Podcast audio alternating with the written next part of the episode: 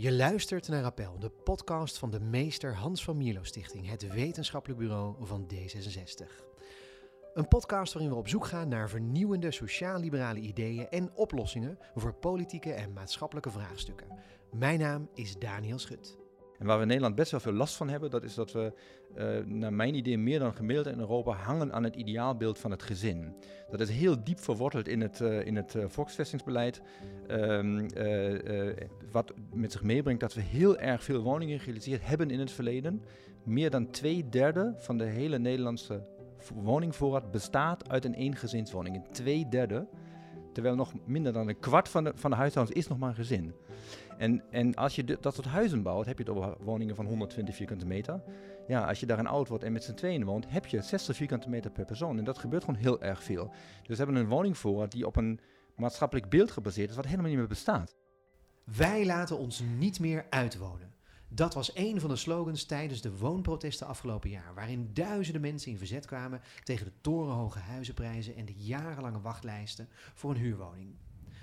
De wooncrisis is zo groot dat het nieuwe kabinet zelfs weer een minister voor volkshuisvesting en ruimtelijke ordening heeft aangesteld. Die heeft onder meer de schone taak om te zorgen voor 100.000 nieuwe woningen per jaar. Maar welke woningen zijn er dan precies nodig en, en waar moeten ze komen te staan? En hoe zorgen we ervoor dat fatsoenlijk wonen weer eindelijk voor iedereen bereikbaar is? Ja, en daarover praten we in deze podcast met Marja Elsinga, hoogleraar Housing Institutions and Governance aan de TU Delft. Ze schreef een hoofdstuk over huisvesting in de bundel naar een nieuw kabinet van sociale rechtvaardigheid van de Familielo Stichting. En bij ons aan tafel is ook Rijmar van Meding, directeur van KHW Architecten. Hij leidde twee onderzoeken met de veelzeggende titel Ruimte zat in de stad, waarin hij concludeert dat er in de bebouwde kom ruimte genoeg is voor al die nieuwe woningen die nodig zijn. Van harte welkom beiden. Dankjewel. Dankjewel. Heel goed. Hey, uh, Marja, even voor de duidelijkheid. Wat, wat, wat doet een hoogleraar Housing Institutions and Governance precies? Um, een hoogleraar Housing Institutions and Governance geeft les over de woningmarkt. Hoe het werkt, hoe we het wonen hebben georganiseerd en hoe we zorgen dat iedereen een dak boven zijn hoofd houdt. Dus en die doet onderzoek. De, onderzoek doen, maar het gaat dus ook specifiek meer over de hele bestuurlijke achtergrond, hoe het in elkaar steekt op de achtergrond eigenlijk. Ja, zeker. Ja, ja, helder. Hey, uh, Rijmer, we gaan het uh, straks uitgebreid over je onderzoek hebben, maar kun je alvast een tipje van de sluier oplichten? Uh, wat waren de twee meest uiteenlopende reacties, de, de positieve en de negatieve, op je onderzoek? Nou ja, de, wat wij um, uh, nou, vooral aan de, aan de positieve kant heel veel horen is dat we, dat we door middel van ons onderzoek um, uh, gemeenten en corporaties um, ja, heel veel speelruimte gegeven hebben en handelingsperspectief om met hun bestaande wijken door middel van de vernieuwing uh, maar ook woonruimte toe te voegen. Dus we hebben gemerkt dat nou ja, eigenlijk in een breed politiek spectrum gewoon behoorlijk positief werd gereageerd op de kansen die het opleverde. Um, en we hebben natuurlijk ook, uh, ook negatieve reacties gehad. En die komen veelal voort uit uh, vooroordelen, die we denk ik straks ook aan de orde zullen hebben. Uh, dat men bang is dat de stad te vol wordt, dat het te druk wordt als je te veel in de bestaande wijken bouwt, dat het niet kan, dat het te duur is. Nou ja, dat zijn, dat zijn tegenwerpingen die we veel te horen krijgen. En wat we ook gewoon interessant vinden, omdat nou, serieus te nemen om, en om daarop ook uh, nou ja, scherper en uh, beter te worden. Heel goed. Nou, dan gaan we dat zo uh, uitspitten. Zeker. Um, Marja, we beginnen eerst even bij jou. Um, in het hoofdstuk dat je schreef voor die bundel naar een nieuw kabinet voor sociale rechtvaardigheid, pleit je ervoor om het recht op wonen weer centraal te stellen in het, uh, in het huisvestingsbeleid. Ja, klopt. Hoe, uh, hoe definieer jij dat recht op wonen dan? Is dat, is dat het recht op een dak boven je hoofd of is dat meer? Ja, dat gaat om het recht uh, op een dak boven je hoofd. Het is een mensenrecht, een sociaal-economisch mensenrecht. En in Nederland is dat verankerd in de grondwet. Mm -hmm. En in die grondwet staat dat de overheid zorg draagt voor voldoende woongelegenheid. Dus het gaat om de zorg van de overheid. In landen als bijvoorbeeld Frankrijk en Engeland heb je echt een woonrecht, wat je zou kunnen afdwingen. In Nederland is het verankerd in die grondwet en gaat het vooral om de, de, een overheid die zorgt voor voldoende woongelegenheid. En je zegt in andere landen is er een woonrecht dat je zou kunnen afdwingen. Moet ik me dan voorstellen dat, stel je, ra je raakt dakloos, dat je dan uh, naar de rechter kan stappen en bij wijze van spreken zeggen van hé, hey, ik, ik, ik, er is een woonrecht, uh, geef mij een dak boven mijn hoofd. In Frankrijk en Engeland is dat zo. Uh, je zou het kunnen afdwingen, je kunt naar de rechter. Het is niet zo dat je 1, 2, 3 een huis hebt. Dus eh, het is gecompliceerd, maar in Nederland is dat dus niet het geval. Nee, nee.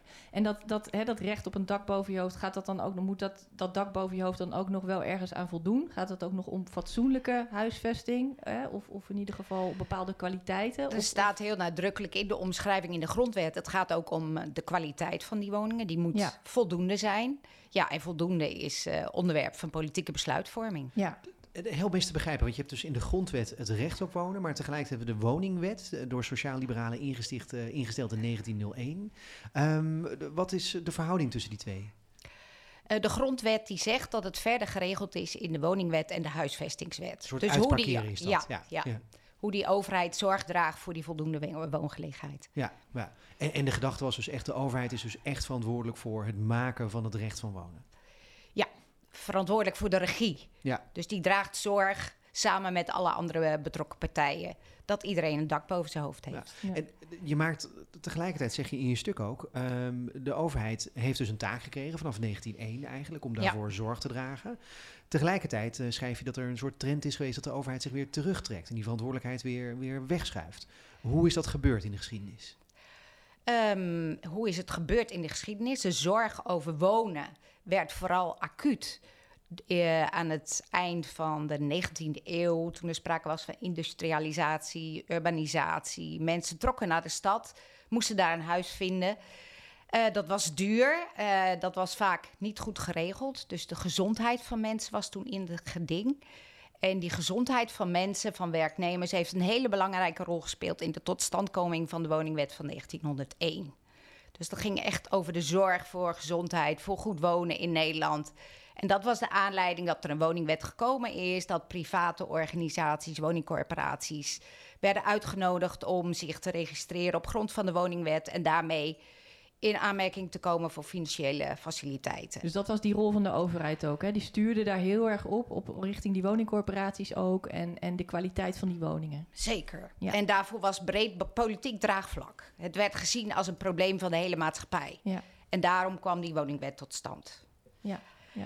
En dat heeft zich verder ontwikkeld ehm, in de loop van de tijd, vooral na de Tweede Wereldoorlog. Toen was een hele grote woningnood. Toen heeft de overheid samen met de woningcorporaties, dat zijn private organisaties met een publieke opdracht, een hele belangrijke eh, rol gespeeld in de wederopbouw. Is heel belangrijk geworden. En eigenlijk in de jaren negentig, toen was eigenlijk wereldwijd sprake van neoliberalisering, noemen we dat. Het idee dat de markt meer een rol moest spelen, marktefficiëntie. En toen is ook in Nederland de vele regelgeving die er was en de vele eh, budgetten die beschikbaar waren, zijn afgebouwd met het idee dat het marktmechanisme meer efficiëntie moest brengen in het hele woonsysteem. Want het, het, ging, want het, liep eigenlijk, het liep eigenlijk goed. Hè? De overheid die zorgde voor meer woningen. Ja. Eh, wat, was het, wat was het probleem dat met die vermarkting eh, moest worden opgelost destijds? In, eh, op het gebied van wonen, wat was daar de aanname achter? dat het efficiënter Efficiënt, kon. dus dat het minder zou kosten. Ja, dat het minder Ja. zou kosten. Ik ben wel benieuwd naar Rijmar, ja. Ja. Nou ja, dus op zich vind ik het wel leuk om het dan ook weer over de geschiedenis van de volksvesting te hebben. Want we hebben het over processen van ongeveer 100 jaar geleden. En eh, natuurlijk leven we niet meer in, zo in krottenwijken als in die tijd. Maar er zijn wel bepaalde marktmechanismes over beleggershuur die, die, die eh, nou ja, rond eh, 1900 net zo speelden. Waar dit soort eh, wetten ook eh, tegen bedacht zijn. Ik vind het gewoon best interessant om dat ook weer tot je te nemen. En wat voor soort golven we eigenlijk door de geschiedenis gaan. Maar leg eens uit dan, concreet. Wel- Welk voorbeeld hebben we het ook? Nou ja, eh, kijk, voordat we de woningwet hadden, kon je heel anders speculeren op de woningmarkt. Dan had je ook eh, steden die, die, die populair waren, die aantrokken, waar mensen grond kochten, eh, daar een woning op zetten, die verhuurden en daarmee gewoon, eh, daarmee gewoon rijk werden. En Ja. anderen moesten dat, eh, moesten dat huren en moesten het maar doen met de woningen die er waren. En de, de, de woningwet heeft onder andere ervoor gezorgd dat nou ja, als, als wonen een grondrecht is, ja, dan moet de staat ervoor zorgen dat er een systeem is dat het ook echt ontstaat en komt. Zo- Zoals bijvoorbeeld de woningbouwcorporaties een overkoepelend systeem waardoor wonen uit de speculatie gehouden wordt. Ja, en we horen het net, dat is eigenlijk de afgelopen jaar gewoon weer afgebouwd. En dat is wel, en je merkt meteen de gevolgen ervan. En je merkt meteen dat je weer terugschiet. Nou ja, we zien allemaal de, de, de berichten in de, in de krant dat mensen die een, eh, wil je een, een pensioen hebben, dan koop je gewoon een huis en dat verhuur je. Zeg maar. zo, zo simpel is het eigenlijk weer. En dat Ja. was eigenlijk gewoon eh, ja, 1880, 1900 eigenlijk net zo. Dus we gaan weer gewoon terug naar ne- 19e eeuwse praktijken, zeg eigenlijk. Dat zou je zo kunnen zeggen, ja. Ja. ja. Ongelooflijk. En als we, als we een stap verder gaan en we denken over de, de urgenten op de woningmarkt, spoedzoekers, arbeidsmigranten, eh, mensen die het land inkomen, Uh, en ik zei net, we leven niet in krottenwijken. Ik ken voldoende situaties in steden waar dat wel zo is, waar mensen gedwongen zijn om met z'n achter op een kamer te slapen, omdat ze ja, niks anders uh, kunnen vinden. Ja, ja, ja. ja. Ik denk ook dat het belangrijk is als je het hebt over speculanten. Inderdaad, er is een parallel te trekken. Maar dat er toen is ingegrepen om te voorkomen dat investeerders profiteerden van de schaarste op de woningmarkt. Mm -hmm. Dus dat iemand investeert in een huis en daar een rendement op haalt, is oké, was toen oké. maar juist dat er sprake is van schaarste, dat je daar misbruik van maakt, hele hoge huren int en eigenlijk hele slechte kwaliteit levert. Ja. Dat was een hele belangrijke aanleiding voor die eerste voor woning. Die dus dat was toen dus ook al het geval. Toen had ja. dus ook inderdaad al die... En je ziet eigenlijk dat sindsdien is de particuliere huursector, waar die speculatie plaatsvond, enorm afgenomen. Dus er was sprake van groei en ondersteuning van eigen woningbezit en ook van die sociale huursector. Ja. En met die liberalisering in de jaren negentig is eigenlijk de particuliere huursector weer gegroeid, is de regulering verminderd en is er nu eigenlijk ook weer sprake van speculatie en sprake van wat ik noem misbruik van de schaarste op de woningmarkt. Ja. En je schrijft ook, hè, in dat, schrijf in dat artikel, de, de overheid moet weer erkennen dus dat wonen een grondrecht is. Dus even weer terug naar die basis ook. Um, en en met, met de bijbehorende ingrepen vanuit de overheid die, ja, die, die, waar dat gepaard mee moet gaan. Um, nou, minister De Jonge, de nieuwe minister van uh, Volkshuisvesting en Ruimtelijke Ordening, die uh, zei recent dat de overheid de regie op wonen weer wil terugpakken en dat wonen te lang aan de markt is overgelaten. Uh, nou, dat, dat klinkt op zich best hoopgevend. Heeft hij daarmee inderdaad de juiste richting te pakken? Of zeg je van, nou ja, dat, daar koop ik nog niks voor? Um, ik vind het heel hoopgevend. Er zijn natuurlijk woonprotesten geweest. wonen staat echt op de politieke agenda. Um, de minister heeft onlangs een vijf-puntenplan uh, gepresenteerd. waarin uh, een thuis, betaalbaarheid, uh, leefbaarheid centraal sta staan. Dat vind ik heel hoopgevend. Als het gaat om regie, dan denk ik dat is heel fijn. De overheid is natuurlijk belangrijk in het proces van de hele woonvoorziening. De overheid kan ook niet alles, maar heeft wel wetgevende macht. Dus ik denk dat het heel goed is dat de overheid weer zich afvraagt van wat staat er in die grondwet en hoe gaan we daar invulling aan geven. In, in hoeverre kan het bestuurlijk? Want niet voor niets hebben kabinetten hiervoor gezegd, uh, we doen geen minister van volkshuisvesting meer. Uh, Nederland is af, is er zelfs gezegd in de jaren 2000 uh, tot en met 10 geloof ik zo'n beetje. Wie was dat ook alweer? Blok. Minister Ja, Blok precies, in inderdaad, 2017. Die Dat heeft is, gezegd eh, het is ja. eh, de woningmarkt draait als een zonnetje. Precies, ja. Ja. Nou ja, dat waren famous last words, zeggen we dan. Ja. Ja. Ehm, maar, maar er is natuurlijk ondertussen dus wel gewoon heel veel eh, eh, buiten de overheid gezet. En heel veel geprivatiseerd en heel veel ook naar gemeentes geduwd. Dus in hoeverre kan een overheid nu dan weer dat gezag terugpakken? De gemeente is ook een overheid, Ja, een lokale ja, overheid. precies, dus het ja. gaat om een goede afstemming tussen lokaal en centraal. Ja. En de centrale overheid kan natuurlijk wetten instellen. En ik denk dat het heel goed is. Kijk, we hebben een heel woonsysteem, dat is best complex. We hebben heel veel regels. Alleen als het gaat om de basis, die fatsoenlijke woonvoorziening, kun je afvragen: zijn die regels nog wel voldoende? Ehm, ik denk dat het heel goed zou zijn als de minister zich afvraagt van wat, is, wat zijn eigenlijk de kaders voor adequate woonvoorziening, voor voldoende woongelegenheid. En dan denk ik dus vooral aan waar we het net over hadden, de speculatie. Hoe kun je dat voorkomen? Dus wat zijn eigenlijk randvoorwaarden voor fatsoenlijke huisvesting? Dus ik vind het heel positief dat er nu wordt nagedacht over huurregulering, ook in de particuliere huursector. Voorkomen dat er woekerhuren worden eh, geïnd. Dus er moet wel een rendement eh, mogelijk zijn, wat mij betreft. Ik bedoel, marktpartijen hebben een belangrijke rol. Die moeten ze ook blijven vervullen. Dus een redelijke rendement, een fatsoenlijke eh, verhuurder is oké. Dus stel daar kaders aan als het gaat om de huurinkomsten, maar ook aan verhuurderschap. Goed verhuurderschap lijkt me ook heel belangrijk. Dat de huurder een redelijke behandeling krijgt als het gaat om zijn huurcontract, wat Ja. er allemaal in staat. En wat, wat versta jij zelf onder goed, goed wonen? Hè? Waar, wat zijn voor, volgens jou die randvoorwaarden? Waar, waar, je, hè, waar, waar wonen aan moet, moet voldoen? Wat, wat, hoe, hè, hoe- ik probeer dat recht op, op goed wonen een beetje, een beetje tastbaar te maken. Eh, dat is een hele goede vraag. Ik vind daar van alles van, maar ik ben een, een wetenschapper. Mhm. En als het gaat om goed wonen, is dat een politieke kwestie. En ik vind het heel hoopgevend dat eh, wat is minimale woonkwaliteit weer een beetje op de agenda staat. Mhm. Ik vind dat we het daar met z'n allen over moeten hebben. Er wordt veel gepleit voor flexwonen. Is dat fatsoenlijk wonen? Ik denk dat dat fatsoenlijk kan zijn onder bepaalde voorwaarden. Dus het is vooral aan de politiek om dit echt te discussiëren. Mensen die heel klein wonen op een paar vierkante meter voor een hoge huurprijs, is denk ik niet fatsoenlijk. Maar waar ligt precies de grens? Ja. Dat is onderwerp van politiek debat. Ja, waar, waar precies de grens ligt, dat is inderdaad moeilijk. We worden ook vaak gevraagd, nou, hoeveel vierkante meter moet een woning dan minimaal zijn? Er zijn eh, ook gemeentes die, die zeggen, eh, wij willen alleen nog maar woningen vanaf 70 vierkante meter. En dan merk je soms dat ook het kind met het badwater een beetje weg wo- wordt gegooid als je dat soort normen echt heel hard stelt. Maar je, wat je wel kan zeggen, en wat we ook in de praktijk zien, is dat er een verschil bestaat tussen eh, woningen waarin je eh, gedwongen wordt om een bepaalde leefstijl na te gaan. Dus bijvoorbeeld het gemeenschappelijk moeten leven, omdat een woning zo klein gemaakt is dat je niet anders kan dan dat je buiten de deur eh, bepaalde dingen doet. Ja. Versus de zelfstandigheid van de woning zelf. Dus een woning die echt compleet is en Ja. af. En dat is voor ons altijd een beetje een, een graadmeter.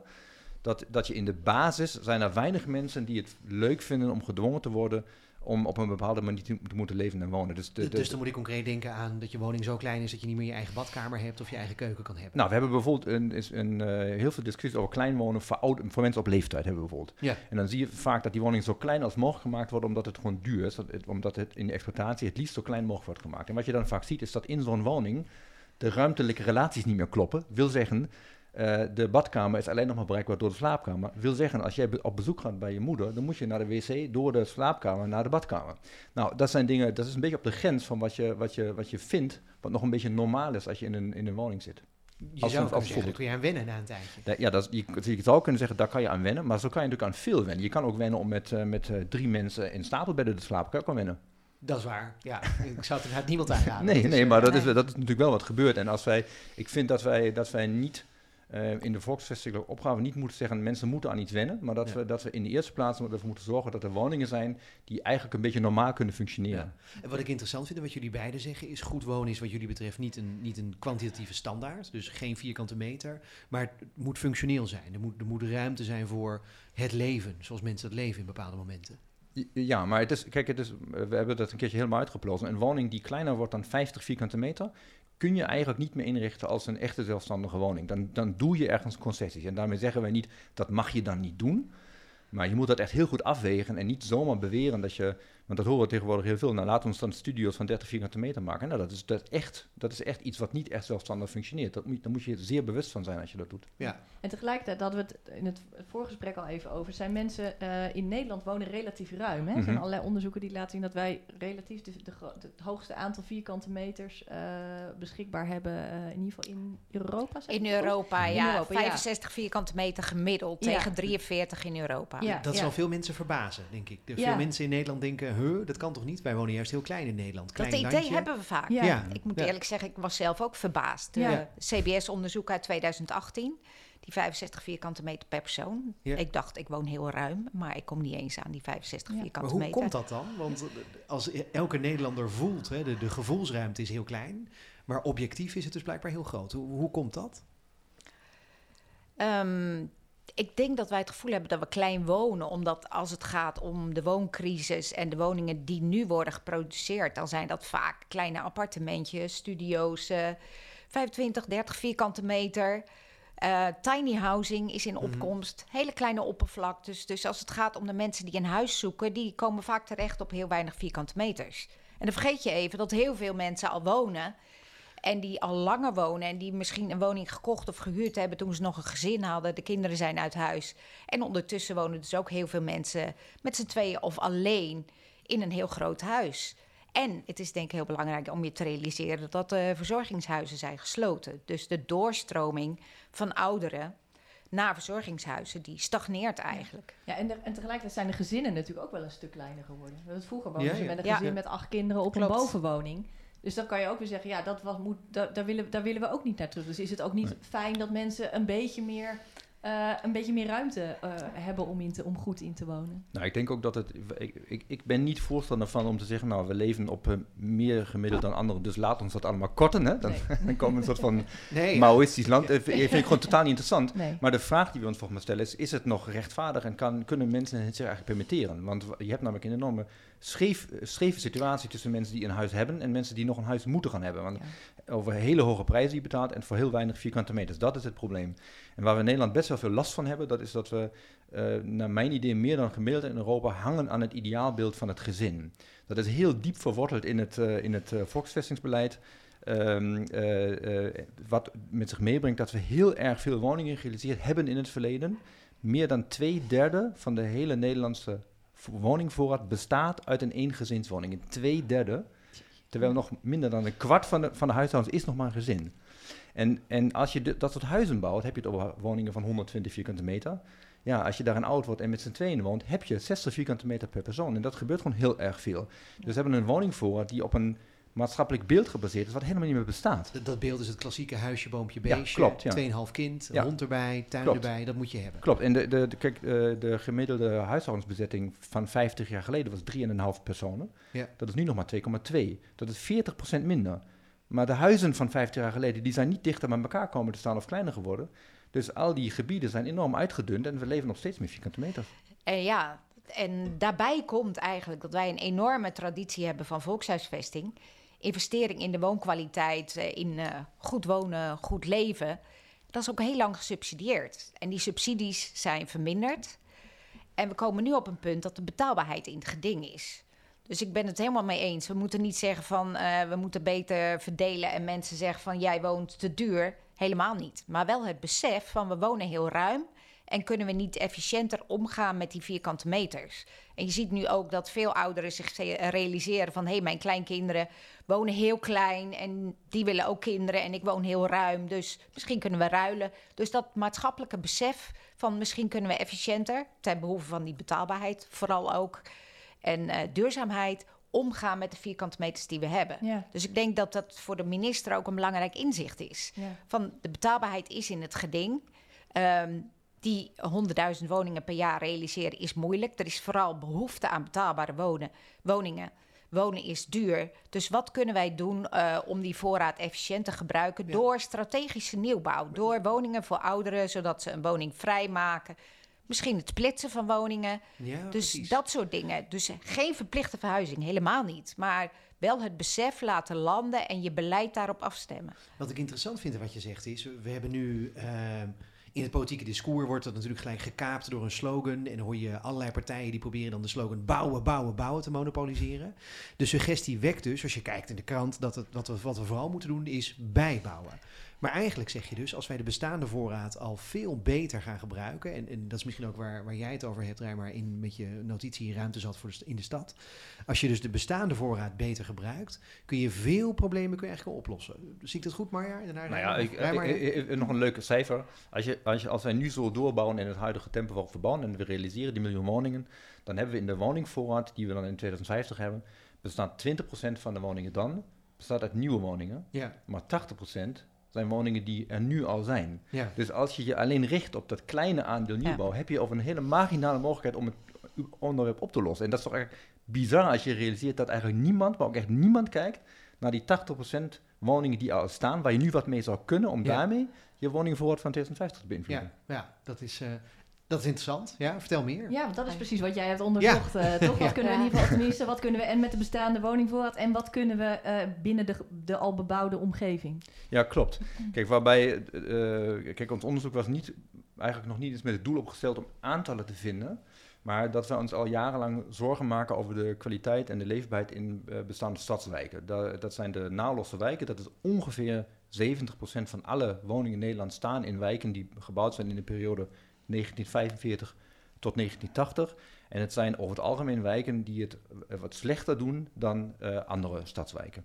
Eh, niet allemaal, maar wel, eh, wel best veel. Dus het zijn wijken voornamelijk in steden. Klopt, dat zijn, dat zijn wijken die vaak tegen de, de, de historische binnensteden aangebouwd zijn. Dus vanuit huidige context best centraal liggen. Dus, want de Phoenix-wijken die liggen daar nog weer buiten. Ja. Dus het zijn Die eigenlijk zijn het zijn later gebouwd. die Ja. zijn later Ja. gebouwd, dus dat zijn, dat, zijn, dat zijn wijken die eigenlijk best mooi liggen in de stad. Eh, soms nog een goed OV-netwerk hebben, eh, dicht bij de stad zitten, maar toch heel slecht doen. Ehm, en eh, waar hoe dan ook sprake is van de behoefte om daar te vernieuwen.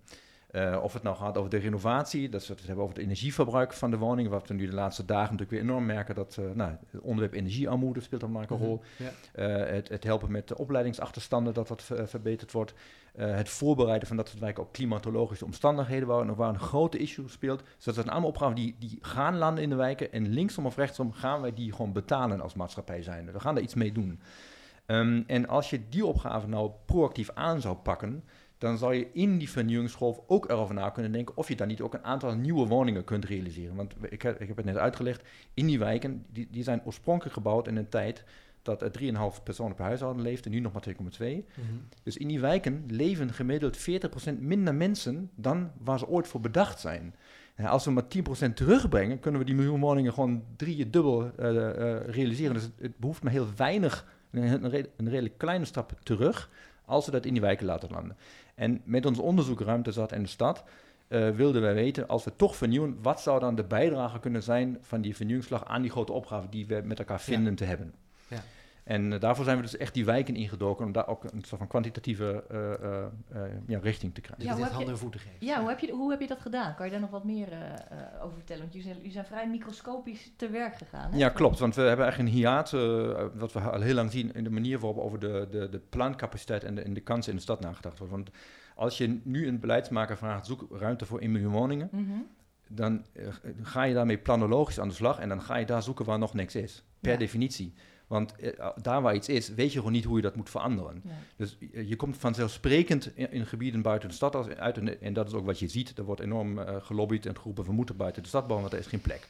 Nou, wat wij dus constateren in die, in die bestaande wijken aanpak, is dat het zijn vaak oude wijken. En als je naar, naar plannenmakers kijkt, dan, dan hebben ze vaak de neiging om of te zeggen, nou, het zijn oude wijken, nou ja, laten we ze behouden als die is en een goede renovatieaanpak op loslaten voor het geheel. Mm -hmm. Of laat ons de boel helemaal plat gooien, want het deugt niet en dan maken we daarvoor een heel nieuw plan. Zoals in Rotterdam bijvoorbeeld. In, die, uh, in Rotterdam, in, ja. dat is in al, eigenlijk in alle grote ja. steden is dat uh, veel gebeurd. Uh, nou, bijvoorbeeld in de tijd ook van de, van de, van de prachtwijken aanpak zijn veel wijken gewoon nou, grote delen gesloopt en nieuw gebouwd. Op zich ook niks mis mee.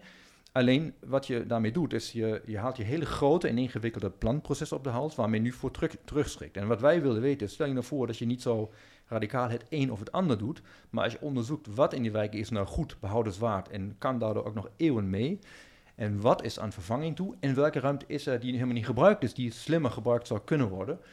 Nou, hoe kan je dan veel, veel chirurgischer, veel gedetailleerder in die wijk aan de slag gaan? En als je dat bij elkaar optelt, wat doet dat dan in zijn geheel in dit soort wijken? Je, je noemt dat fijnmazig, microscopisch mm -hmm. kijken eigenlijk. En ja. ik kijk even naar Marja, want het lijkt me wel ingewikkeld als je dat wil doen. Als overheid, dan ben je dus de minister van Volkshuisvesting. Je zegt, we gaan op heel klein niveau in die wijken gaan we kijken hoe we die beter kunnen maken. Uh, hoe, hoe werkt dat bestuurlijk? Hoe, hoe, hoe kan je dat uh, vanuit de overheid entameren? Um, de minister is van de landelijke overheid. Dit lijkt mij een typisch lokale aangelegenheid. Dus hier ligt een heel belangrijke rol voor het lokale politiek en uh, het lokale ambtenaarapparaat. Dus dat dus... moet je niet centraal willen regelen. En, en dus Ik het... denk dat het heel belangrijk is dat de minister ruimte schept voor maatwerk voor lokale oplossingen. Ja, ja. klopt. En, dat, dat, dat, dat, is ook precies, dat is ook precies de reden. Uh, uh, dat, uh, dat er zo weinig over bekend is hoeveel de optelsom is. Omdat het klopt helemaal. Het ligt eigenlijk aan de kant van de gemeenten en ook provincie. Die hebben ook groot interesse om dit uh, ja. goed door te hebben. Maar wat wij ook vooral gedaan hebben, ze hebben het wel naar het landelijk niveau teruggebracht om te laten zien wat is nou het perspectief voor het geheel als je dit gewoon bij elkaar legt. En als je als rijksoverheid op zoek bent naar stimulans om die, nou ja, als we die miljoen woningen nodig hebben, waar laat je die dan landen? Dus je vraagt het dan om samenwerking tussen landelijk en gemeente? Absoluut, dat vraagt ja, ja, absoluut. Zeker. Ja. Dat betekent ook dat, dat gemeenten zelf wel heel goed moeten kijken naar hun eigen voorraad en, en daar dus ook slim op individueel microscopisch niveau goed gebruik van moeten maken. Exact. Dat is, kan wel eens lastig zijn, want sommige gemeentes, bijna alle gemeentes willen natuurlijk heel graag bouwen voor de generatie die er nu komt. Hè, dat zijn de jonge ouders met gezinnen, dat, dat, mm -hmm. dat willen mensen heel vaak. Maar dat kan dus niet altijd. Dus je moet ook per gemeente moet je heel, heel erg gaan zoeken naar wat is de vraag die er is en, en waar is het verlangen eigenlijk naar. Ja, klopt. Je moet eigenlijk gewoon zowel de vraag als het aanbod gewoon heel goed uh, doorgronden en goed analyseren. En wat je, waar het vaak aan schort, is dat in die bestaande wijken onvoldoende goed beoordeeld worden. Dus ja. dat er onvoldoende goed gekeken wordt, wat is daar nou de potentie van? Er wordt ja. sneller gekeken, hoe kan ik nog wat hectare aan grond kopen en die omzetten naar woningbouw. Maar er wordt geen goede analyse gemaakt van wat heb ik nou eigenlijk in die bestaande wijken. Ja, ja en ik ja, ben het helemaal mee eens. En wat denk ik een belangrijk eh, knelpunt is, is op gemeentelijk niveau ook de capaciteit voor complexe opgaven. Ja. Dus de opgave is, als je ook kijkt naar die bestaande voorraad, ingewikkeld. En daarvoor heb je gewoon goede projectleiders nodig. We hebben heel veel regelgeving om iets te realiseren, om gewoon iedereen die investeert en betrokken is te faciliteren. Heb je mensen nodig. En daar ontbreekt het aan. Ja, Dus ik zou de minister ook willen adviseren: zorg voor capaciteit, creativiteit op lokaal niveau. En als het gaat om dit soort opgaven, ook om een kenniscentrum, om ervaringen uit te wisselen. Want eh, daar is grote behoefte aan. Want nog even naar jouw onderzoek, Rijmer. Hoe, hoe moet ik me dat nou concreet voorstellen? Hè? Dat er dus binnen die, binnen die naoorlogse wijken, dat die, die, die, of de plekken die er zijn, opgevuld worden. Om wat voor plekken gaat dat dan? Mhm. En, en hoe, hoe vul je die dan op met wat voor soort woningen? Kan je dat nog wat meer uitleggen? Ja, we hebben, wat we, we hebben eigenlijk een, een nieuwe onderzoekssystematiek opgezet. Want Mhm. je ziet eh, dus soms eh, eh, dat op landelijk niveau, op dataniveau eh, naar het geheel gekeken wordt. Of je hebt aan de andere kant, dat heet ontwerponderzoek. Dan kijk je, wat kan op deze plek, hoe, hoe ziet het eruit, hoeveel wordt het? Ja. Ehm, het opschalen van ontwerponderzoek naar dataonderzoek, dat is eigenlijk nog niet gebeurd tot nu toe. Dat zijn vaak twee verschillende soorten dingen. Als ik ergens een huisje ontwerp, kan ik heel moeilijk bewijzen dat het elders ook kan. Dus dat is heel, echt heel moeilijk aan te tonen.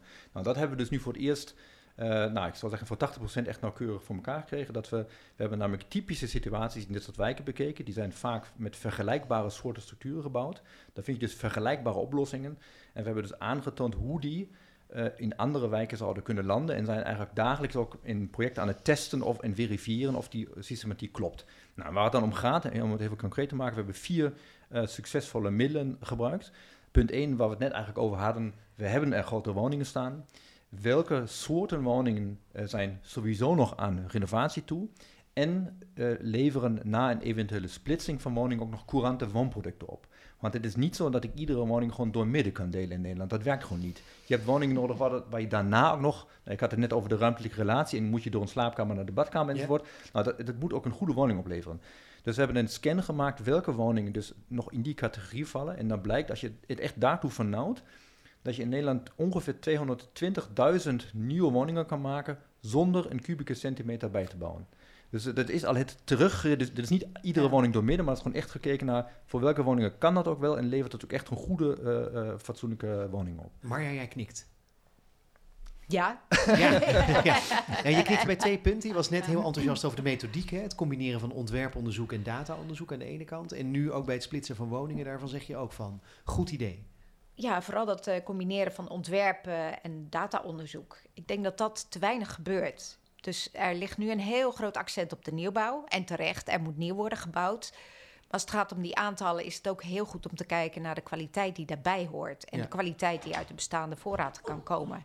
En als ik kijk naar het onderzoek wat nu plaatsvindt en de getallen die worden gepresenteerd, dan denk ik, ja, daar mist een dimensie, daar mist het ontwerp en eh, ook de kwaliteit, minimale kwaliteit. Ja. Ja. Dus het, het één ding wat je zegt wat het probleem kan oplossen... is, eh, is heel duidelijk gewoon het splitsen van woningen. Wat nog meer?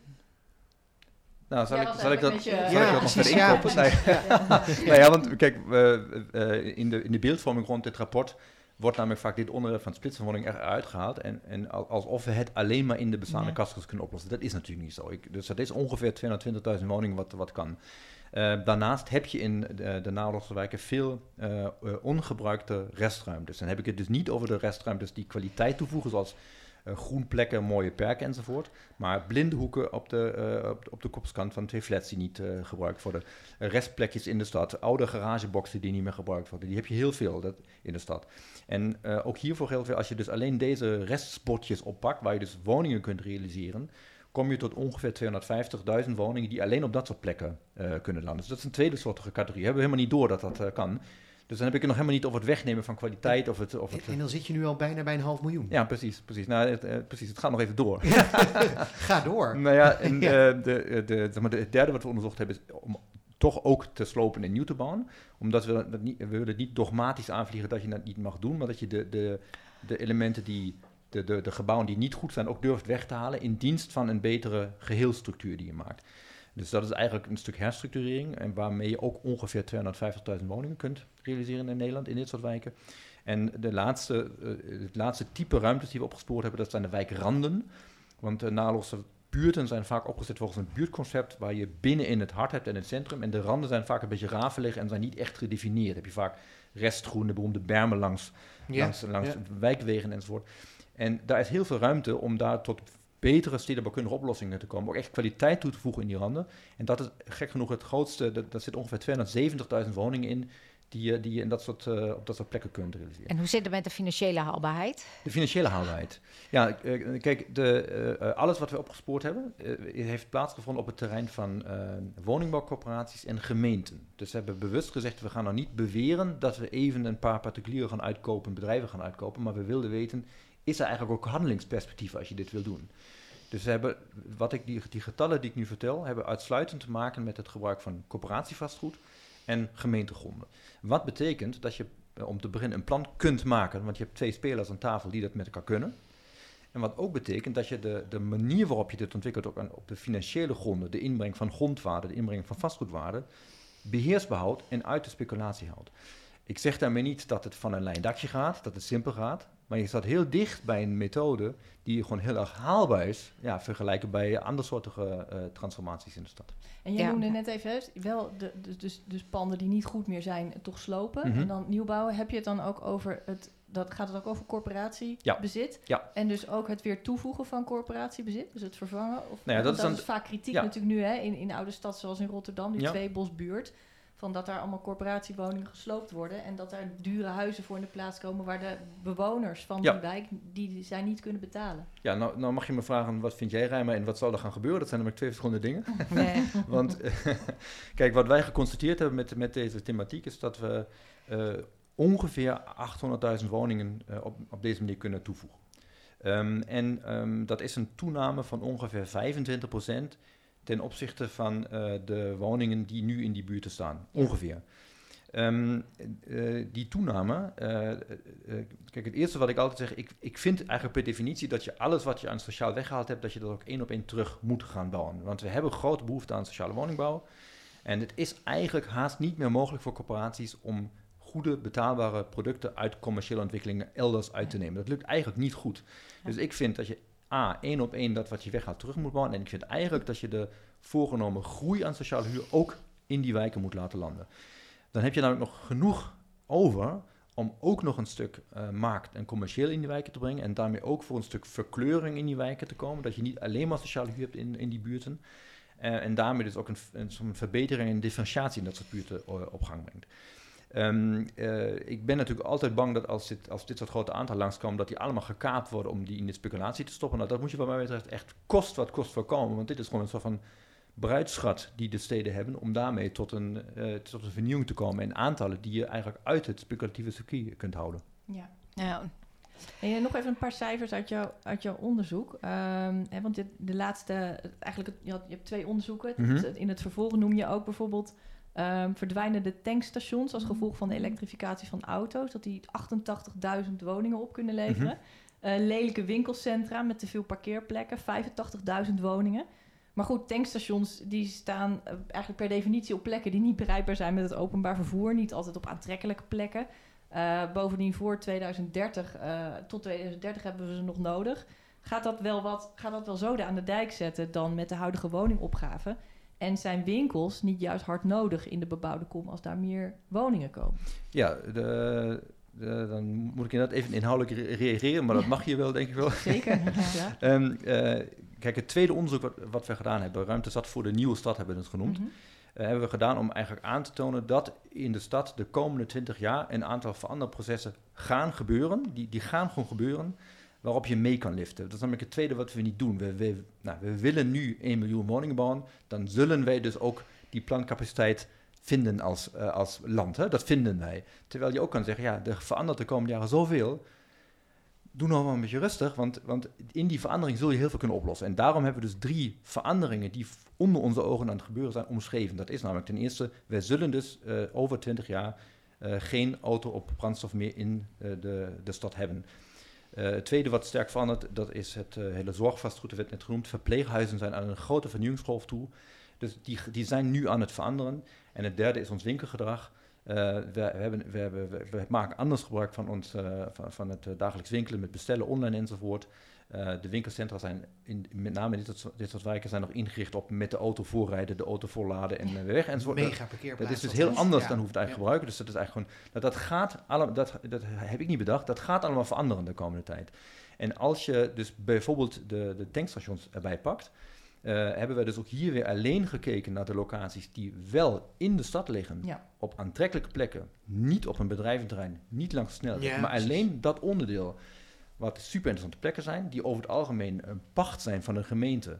En geen enkele gemeente zal een tankstation op de hoek bij een station, wat namelijk echt wel heel veel het geval is, onbebouwd laten liggen. Dat gaat toch niet gebeuren, dus dat gaat het komen.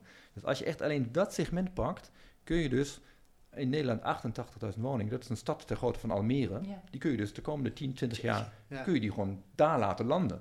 Nou, en wij hebben dus eigenlijk maar drie van dit soort veranderfenomenen onderzocht en hebben weer iets van 200.000 woningen gevonden. Ja, er zijn er nog veel meer. En dat is eigenlijk ook een belangrijke oproep van mij, dat ik vind, we moeten eigenlijk veel beter kijken wat de stad nou is en hoe die zich de komende tijd gaat veranderen en daarmee leren meebewegen en meeontwikkelen. Eh, Als ik het samenvat, eigenlijk pleit je dus voor, voor wat dan nu in het, eh, in het landelijk debat vaak inbreiden genoemd wordt. Mhm. Dat is dus in, in de stad meer dingen doen. Eh, maar ik ben wel benieuwd naar Marja, want als ik het woord inbreiden eerst hoor, ik bedoel, ik vind het een mooi verhaal van Rijmar, maar als ik er in, in eerste instantie over nadenk, ben ik dus bang dat er gewoon meer mensen op een vierkante meter gepropt worden in de stad. En dat het dus helemaal sociaal, economisch eh, helemaal niet goed is. Ecologisch ook niet. Ehm, nou, volgens mij heeft Rijnmar net ook uitgelegd dat juist al die wijken zijn gebouwd voor veel meer mensen dan er nu wonen. Dus er was sprake van een enorme verdunning, eh, Mhm. afname van eh, bevolking eh, per vierkante meter, kilometer. Dus ik denk heel goed, dat het heel goed is om te kijken hoe die steden bewegen en om daarin mee te bewegen. Want er is dus sprake van een afname van de bevolking. En wat willen we in de toekomst? En als we kijken naar de toekomstige woningopgave, die miljoen woningen, kijk dan niet alleen maar naar nieuwbouwlocaties, maar ook naar de hele voorraad, hoe die stad beweegt en hoe je kunt meebewegen. En ik denk dat het heel goed is, ook als je kijkt naar ehm, de hele financiële exploitatie. Wat kun je doen binnen de bestaande stad, de bestaande bebouwde omgeving en ook gebruik maken van de voorzieningen die er liggen. Ik bedoel, dat is natuurlijk efficiënt. Dus ik ben heel erg voorstander, maar ik zie ook dat het eh, complex is en dat er dus wel eh, prioriteit voor moet zijn, aandacht. En ik denk ook budget om dit soort complexe opgaven eh, goed in beeld te brengen en eh, tot eh, woningbouw te laten leiden. Budget is denk ik één. En de andere vraag is natuurlijk juridisch. Op het moment dat je gaat zeggen, wij willen inbreiden in een stad. we willen dit stuk woningcomplex op een andere manier inrichten. Dan zijn er natuurlijk al bewoners die daar ook mening over hebben. En terecht natuurlijk. Dus in hoeverre kan de overheid, het zij lokaal, het zij landelijk, daar nog vaart mee maken? Ehm, dat is een kwestie van ja, ehm, inspraak die we in Nederland hebben, is een groot goed. Ehm, en ik denk ook in debat gaan met degenen die bezwaar hebben, lokaal en ook op landelijk niveau die discussie over kwaliteit te voeren. Van wat vinden wij kwaliteit en hoe ver reikt de inspraak? Ja. Wat, wat misschien één ding erop aanvullend, want het klopt helemaal wat je zegt. eh, eh, je zit in een bestaande situatie te werken. Maar wat we onderschatten is natuurlijk, eh, wat is precies het alternatief? En we denken dan heel snel, ja maar ja, op de Groene Weide is niks. Maar iedere vierkante centimeter in Nederland is bestemd. En er is één groot verschil. Die wijken, die zijn al bestemd voor wonen. En we noemen het namelijk ook de transitie van wonen naar wonen.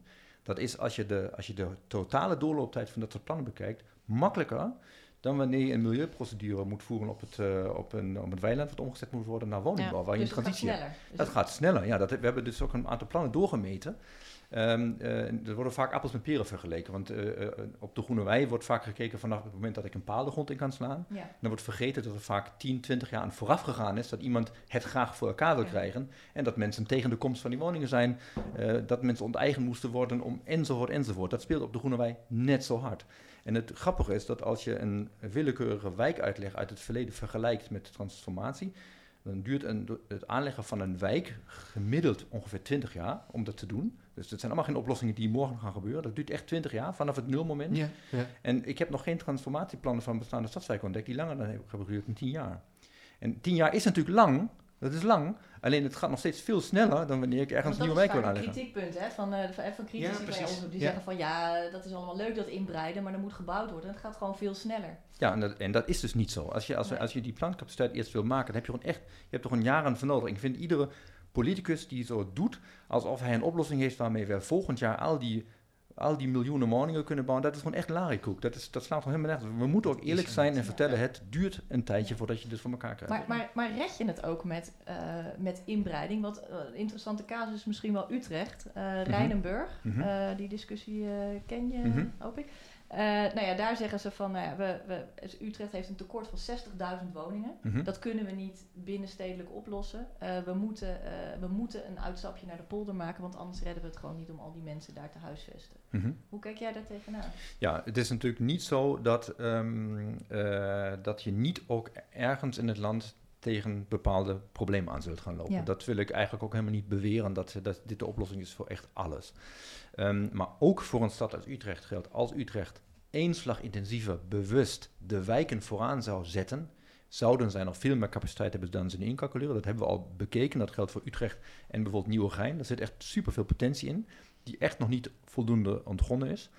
Ehm, en als je vervolgens eh, in bepaalde delen van het land het wel degelijk nodig hebt dat nog wel ergens iets bij komt, is daar natuurlijk op zich niks mis mee. Maar ik vind de volgordelijkheid gewoon vrij belangrijk. Dat je gewoon Ja. eerst ervoor zorgt gebruik naar dat wat je hebt, voordat je dat soort stappen neemt. En we hebben gewoon te vaak de neiging om het gewoon precies andersom aan te vliegen. Om de makkelijkere route te kiezen.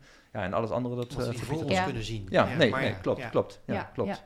Ja. Ja. Ja. Maar ja, reactie? Ja. Nou, ik denk ook dat de voorkeuren van de burgers belangrijk zijn. Sommige mensen willen graag binnenstedelijk wonen en de anderen graag buitenstedelijk. Dus wat mij betreft is het verkennen van eh, binnenstedelijke mogelijkheden heel belangrijk. Maar ook van uitleglocaties en de woonmilieus die daarbij horen. Dus hou ook rekening met de burger die gewoon op verschillende manieren wil wonen. Ja. Dus wat mij betreft is het en-en. Eh, Daniel stipte net al inderdaad al even hè, het juridische aan en die, de, de, de rol van, van huidige bewoners bij, eh, bij inbreiding. Ehm, nog heel even daarop doorgaan, want in, in Den Haag Zuidwest bijvoorbeeld, dat is ook zo'n naoorlogse wijk die jullie Ja. hebben bestudeerd. Er hingen op een gegeven moment allemaal flyers voor het raam eh, bij mensen die helemaal niet gelukkig waren met de komst van 6000 extra bewoners naar hun wijk. En je zegt ook van ja, die wijken zijn ooit gebouwd voor veel meer mensen, maar mensen gaan natuurlijk uit van hun huidige situatie Mhm. waarin ze, misschien- waarin ze prettig wonen en waarin ze denken, ja, we hebben, we hebben een beetje ruimte, een beetje groen. Ik wil niet nog een, een, een, een eh, massa mensen ter grootte van een hele nieuwe wijk eigenlijk in mijn wijk eh, gepropt hebben. Nee. Dus, dus ja. Klopt. Hoe, Klopt, nee, maar kijk, voor dit soort processen geldt eigenlijk hetzelfde als wat ik net op landelijk niveau uitlegde. Er wordt eh, veel te veel ehm, eh, gesproken over die 6000 woningen en Den Haag Zuidwest als geheel. En dat is gewoon een super abstracte discussie. En ik denk dat ik net zo zou zeggen, ik wil dit niet. Als iemand dit tegen mij zou zeggen.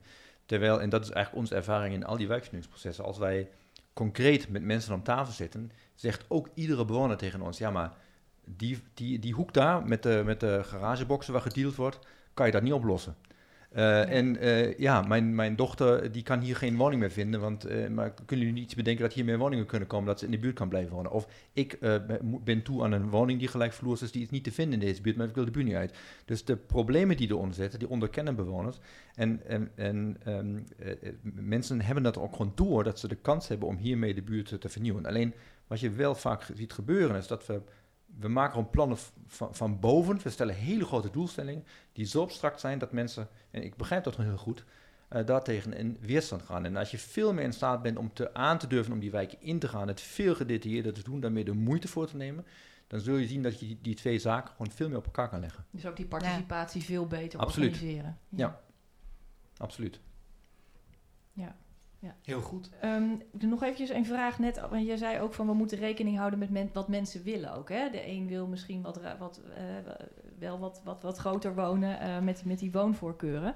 Ehm, in dat hoofdstuk dat je schreef voor die bundel, schreef je ook van dat het tijd is om de diep gewortelde waarden over wonen te updaten. Ik vroeg me nog wel af, vind ik wel aardig, van wat voor waar, ehm, op wat voor waarden doel je? Hoe moeten we die herzien? En, en bedoel je dan misschien ook dat, dat ideaalbeeld eigenlijk dat we hebben van, hè, wat jij ook al noemde, een, een huis met een tuin, eh, vrijstaand het liefst en een parkeergarage, als soort van hoogste trap op de wooncarrière ladder? Uh, met die waarden probeer, uh, bedoel ik vooral maatschappelijke waarden over duurzaamheid en inclusiviteit. Ja. De Nederlandse volkshuisvesting, woningbouw heeft een heel belangrijke rol gespeeld in de samenleving die we nastreven, waarin iedereen kan meedoen. En wat ik dan bedoel met herzien van die waarden, wonen in het perspectief van een duurzame, inclusieve samenleving. Ik denk dat het heel belangrijk is om te kijken van wat vinden we adequaat wonen, huisje met een tuintje, appartementje, betaalbaarheid. Dus hoe verhoudt zich dat tot het hartje van Amsterdam, binnen de ring, buiten de ring, permanent? Dus nog een keer heel goed kijken naar wat is woonkwaliteit. Iedereen moet kunnen meedoen en welk prijskaartje hangt daar aan. Dus dat bedoel ik eigenlijk met nog een keer heel goed nagaan van hoe zorgen we dat iedereen mee kan doen. Ja. ja en, en, dat we het duurzaam doen. En een ander iets als het gaat over de rol van wonen. Dan hebben we dat decennia lang gezien als iets om te investeren. Het begon met die woningwet, met slechte gezondheid. We gaan zorgen voor gezonde huizen, mensen gezond, gezonde maatschappij. En eigenlijk is in de afgelopen decennia wonen vooral een geldmachine geworden. Je kunt er geld uithalen. Dat geldt voor lokale overheden, grondbeleid, landelijke overheid, verhuurderheffing. Geldt voor investeerders in vastgoed. En ik denk als we kijken naar wonen, dat dat weer iets moet worden waarin we investeren. Investeren in de kwaliteit van leven en iets minder dan uh, iets waar we geld uithalen. Dus wat mij betreft moet er geld inwonen, zodat iedereen mee kan doen gezond woont en dat we dat op een duurzame manier doen, zodat ook volgende generaties goed kunnen wonen. Ja, dit is mij ook echt uit het hart gegrepen. Want dat is een van de dingen die mij uh, hier altijd verbazen. Dat, dat ook veel mensen die een huis kopen, het echt met het perspectief kopen dat ze het weer kunnen verkopen. En niet dat ze er lekker kunnen wonen. Wat dus als gevolg heeft ja, dat je de standaarden hebt. Want je weet, uh, twee lagen met kap, dat kun je voor een bepaalde prijs verkopen. Dus je hebt een investeringszekerheid. Maar niemand doet gekke dingen. Terwijl het misschien voor jezelf veel leuker zou zijn als je een heel, heel ander huis zou hebben. Maar ja, hè? dus dat, dat, is heel bizar hoe zich dit wonen als speculatie in plaats van wonen als wonen. Dat, hoe, wat dat uitmaakt voor wat voor soort woningen wij. Misschien ook iets in de volksaard van de Nederlander. Dat je nou ja, het is ook, het, ja, dat weet ik niet of dat, of het, uh, ik, ik, ik, ik, geloof niet zo in, in volksadem, moet ik eerlijk bekennen. Uh, maar maar het, het is wel iets wat we elkaar een beetje aan het aanpraten zijn. En waar, waar, waar, we toch in een, een soort van cultuur zitten, waar we, waar we vinden dat, uh, dat het verhandelen van huizen, dat, dat, ja, dat je meedoet als je een huis ja. weer voor een ton meer weet te verkopen. Ja. Um, ja, ja, klopt. Maar dat geldt dus ook voor het overheidsbeleid. Dat mm -hmm. dat steeds meer wonen ziet als een bron van inkomsten, in plaats van iets om in te investeren.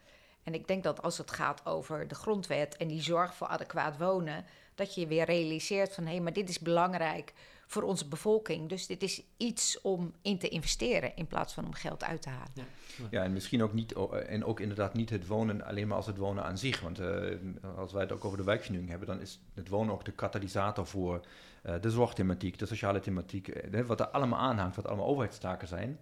Maar wat we in allemaal in separate potjes gaan stoppen, terwijl dat natuurlijk heel veel Dat eh, klopt, en door wonen goed te organiseren kun je heel veel bezuinigen op andere terreinen. Bijvoorbeeld Housing First voor uh, daklozen, als ze dan weer een dak boven het hoofd hebben. Als ze weer kunnen groeien en maatschappelijk kunnen deelnemen. Dan scheelt dat heel veel. Ja, Housing First is dat systeem dat ze dus eerst een woning krijgen en ja. dat vervolgens de andere problematiek wordt aangepakt hè, in plaats van andersom. Klopt, ja. Ja, ja. dankjewel voor de toelichting.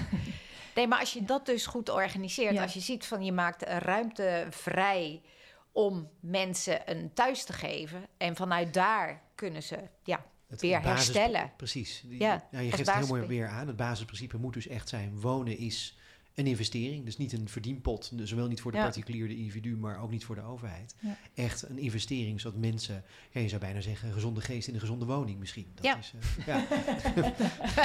hey, dat, dat, brengt ons bij de afsluiter, want uh, wij vragen aan het eind van de podcast altijd, stel jullie waren minister van Volkshuisvesting, Ruimtelijke Ordening, en uh, jullie mochten in plaats van minister De Jonge die bouw- en woonagenda opstellen. Welke drie dingen, en dan begin ik bij Marja, welke drie dingen zouden jullie hoog op de agenda willen zetten om de woon crisis eerlijk, rechtvaardig en effectief op te lossen? Um, dankjewel. Ja, het is moeilijk om je tot drie te beperken, maar ik, ik, ik, uh, ik, ik, ga mijn best doen. Als de beperking uh, toont zich de meester. Dat is, ja. Als minister zou ik me afvragen... hoe komt het nou eigenlijk dat wij die grondwettelijke taak toch een tijdje verwaarloosd hebben? Waar zit hem dat in? Wat is goed wonen?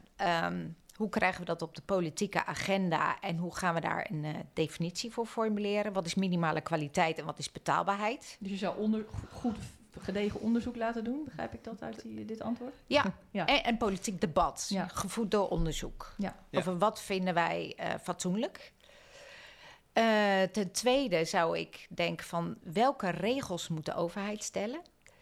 Waar zijn we het over eens? En dan wil ik eigenlijk een suggestie doen. Twee dingen die ik in, uh, in de politieke discussie zou willen gooien. Van, kunnen we ervoor zorgen dat er geen misbruik wordt gemaakt van de schaarste in Nederland? Mm -hmm. Kunnen we daar regels voor maken? Dus kunnen we voorkomen dat woekerprijzen worden gevraagd ten koste van degenen die geen huis hebben. Dan denk je vooral aan speculanten dan, ja. investeerders ja. op de woningmarkt. Ja.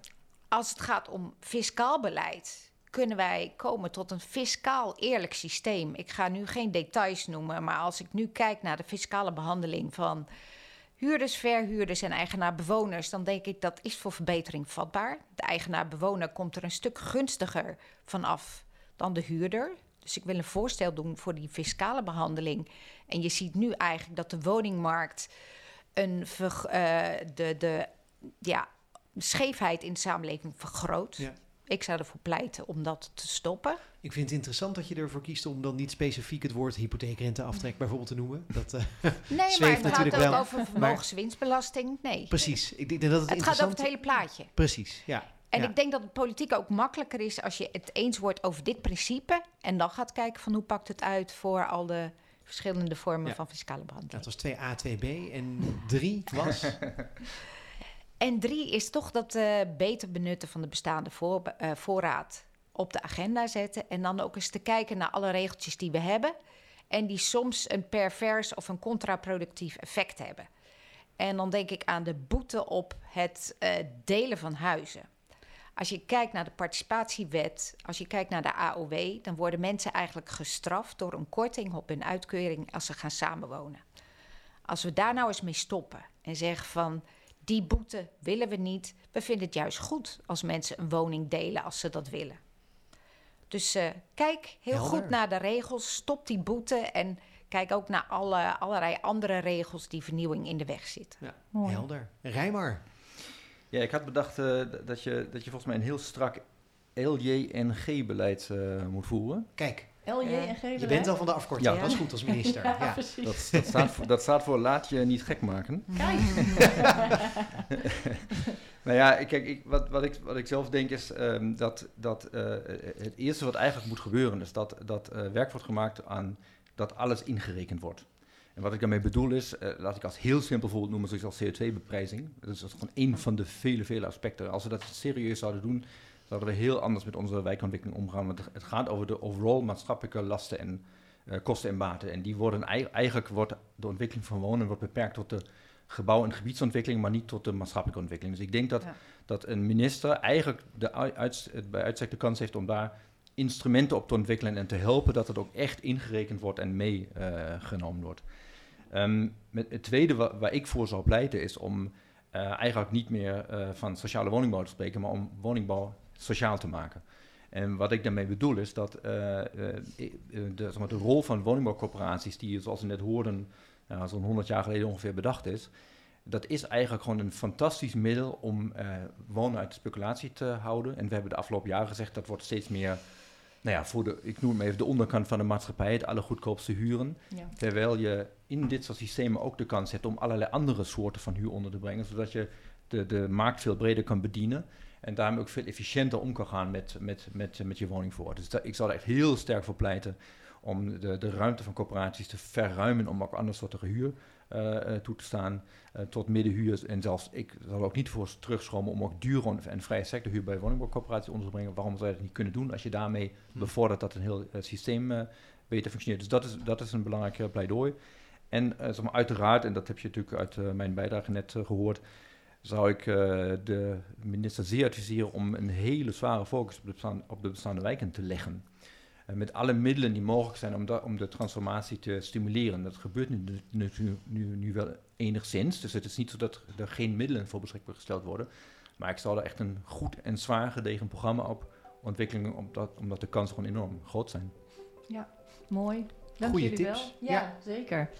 Hartelijk dank, Marja Elsinga en Rijmer van Meding. En jij luisteraar, bedankt dat je luisterde. Vergeet niet je te abonneren op deze podcast als je dat nog niet hebt gedaan. En over twee weken zijn we er weer. Dan gaan we het hebben over digitalisering en de gevolgen voor de autonomie van de overheid en van burgers. Tot dan!